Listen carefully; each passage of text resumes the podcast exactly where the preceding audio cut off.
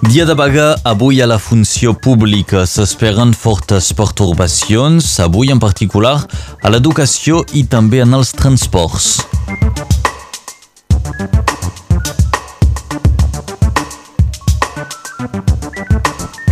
Avui es tancarà una nova setmana al judici del Tribunal Suprem de Madrid. Ens en donarà més detalls avui l'Albert Noguer.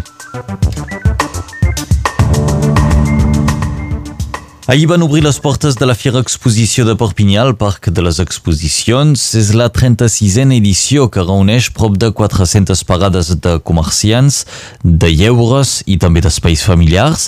L'any passat la Fira Exposició va reunir unes 85.000 persones.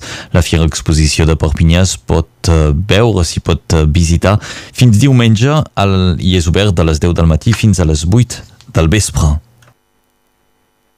S'anuncia avui una forta mobilització a Catalunya Nord en defensa del servei públic. La quasi totalitat dels sindicats criden a manifestar en la majoria de sectors de la funció pública, com ara l'ensenyament, els transports, les col·lectivitats locals, les finances públiques o l'hospital. Els sindicats alerten que el departament prop de 25% de la població activa treballa a la funció pública, per tant una pèrdua de llocs de treball tindria un impacte molt negatiu sobre el conjunt de l'economia del departament. La manifestació ha estat convocada a les 10 i mitja del matí a plaça Catalunya. El dilluns vinent tindrà lloc al casal de Perpinyà la segona sessió de proves per analitzar la quantitat de glifosat que tenim al cos. La campanya Glifosat 66 consisteix a recollir diverses proves d'orina per, més endavant, denunciar davant la justícia els responsables que produeixen i autoritzen l'ús i la venda d'aquesta molècula considerada perillosa. Per participar-hi us heu d'inscriure per mail a l'adreça campanya glifosat 66 yahoo.com. Les proves es faran entre les 6 i les 8 del matí al casal dilluns sota la mirada de dos juristes apoderats. El diputat Jean Lassalle, candidat a les eleccions europees i a les presidencials del 2022, serà a Catalunya Nord el 23 de maig. Primer passarà per la llibreria Cajalissa de Perpinyà a les 4 i mitja i finalment a la tarda a les 7 assistirà a una reunió pública a la sala de festes de la Torre del Bisbe. Jean Lassalle ha estat convidat pel moviment Resistant i Agissant Pays Català. El judici contra el procés continua avui fins aquest migdia amb declaracions de més votants de l'1 d'octubre citats per la defensa. Però avui també ha de declarar un expolicia espanyol que es va encarar amb companys seus per la violència amb què van actuar el dia 1 d'octubre.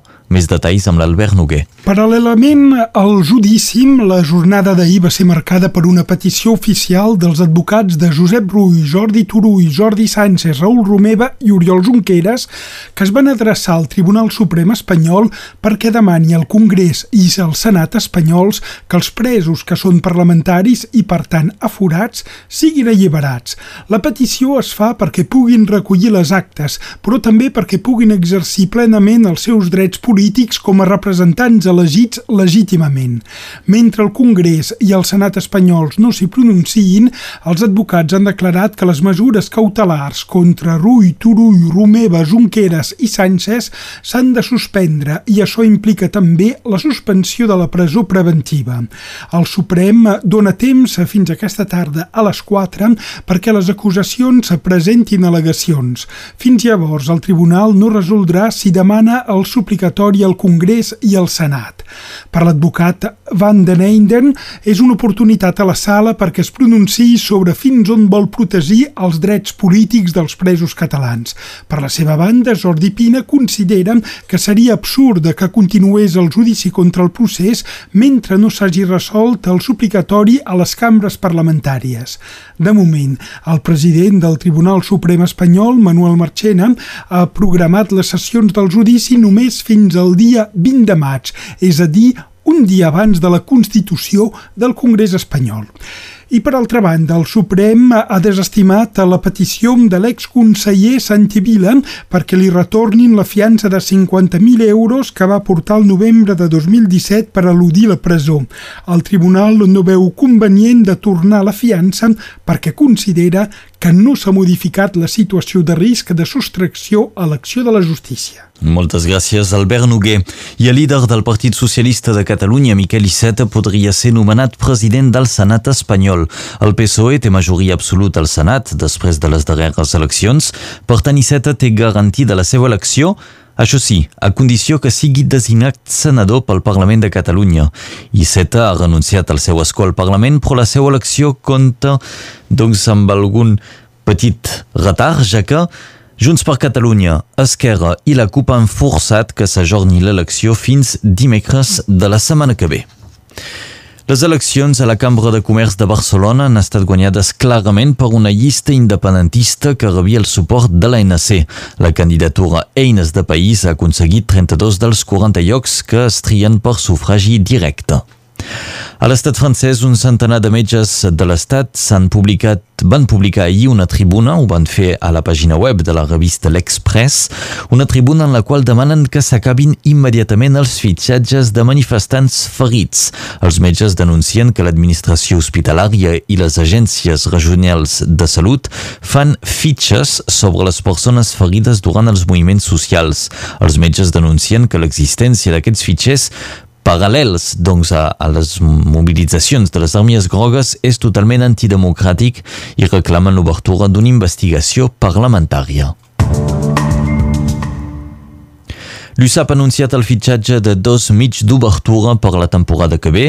Són Thibaut Suchier i Quentin Etienne. El club ha de fer front a la baixa de diversos jugadors en aquesta posició, com ara Paddy Jackson, que fitxa pels London Irish, també Enzo Selponi, que jugarà a Grenoble, i David Melé, que es jubilarà a finals d'any. I en futbol, l'expresident del Barça, Joan Laporta, es tornarà a presentar a les pròximes eleccions a la presidència del club. Ho va anunciar ahir després de la humiliació que va patir el Barça al camp de Liverpool quan va perdre per 4 a 0. La Porta va ser el president del Barça entre els anys 2003 a 2010, però l'any 2015 va perdre les eleccions davant la candidatura de l'actual president Bartomeu.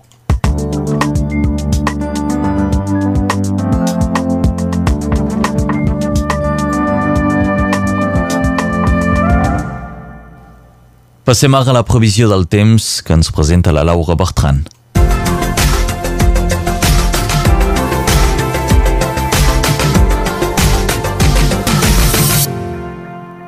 Dia assolellat en general avui, amb un cel blau i serè aquest matí i alguns núvols poc importants a la tarda, normalment sense precipitacions. El vent és de direcció variable, amb domini de la tramuntana a la vall de la Gli i el Rosselló, amb ratxes màximes de fins a 70 km per hora aquest matí.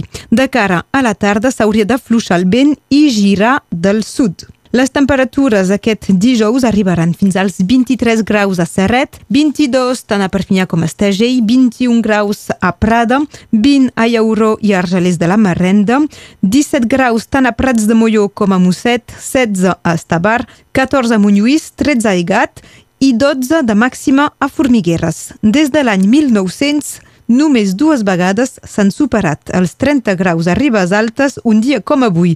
Va ser l'any 1965 i sobretot el 1912 amb una màxima de 31,8 graus. Avui s'aconsella de no treballar l'hort per un nus lunar. Pel que fa del sol es pondrà a les 20.57, guanyarem així dos minuts de llum del dia. Avui és l'aniversari de l'Andrea Motis, una cantant de jazz i instrumentista de trompeta i saxòfon nascuda a Barcelona, tot i la seva carrera ja ben encarrilada, només fa 24 anys. I és també la Diada d'Europa. Es commemora un dia com avui en record de la declaració realitzada per el llavors ministre d'Afers Exteriors francès, Robert Schuman, a París el 9 de maig de 1950. A través d'aquesta declaració, Schuman es va donar el tret de sortida a la creació de la Comunitat Europea del Carbó i de l'Acer, el que és l'antecedent de l'actual Unió Europea.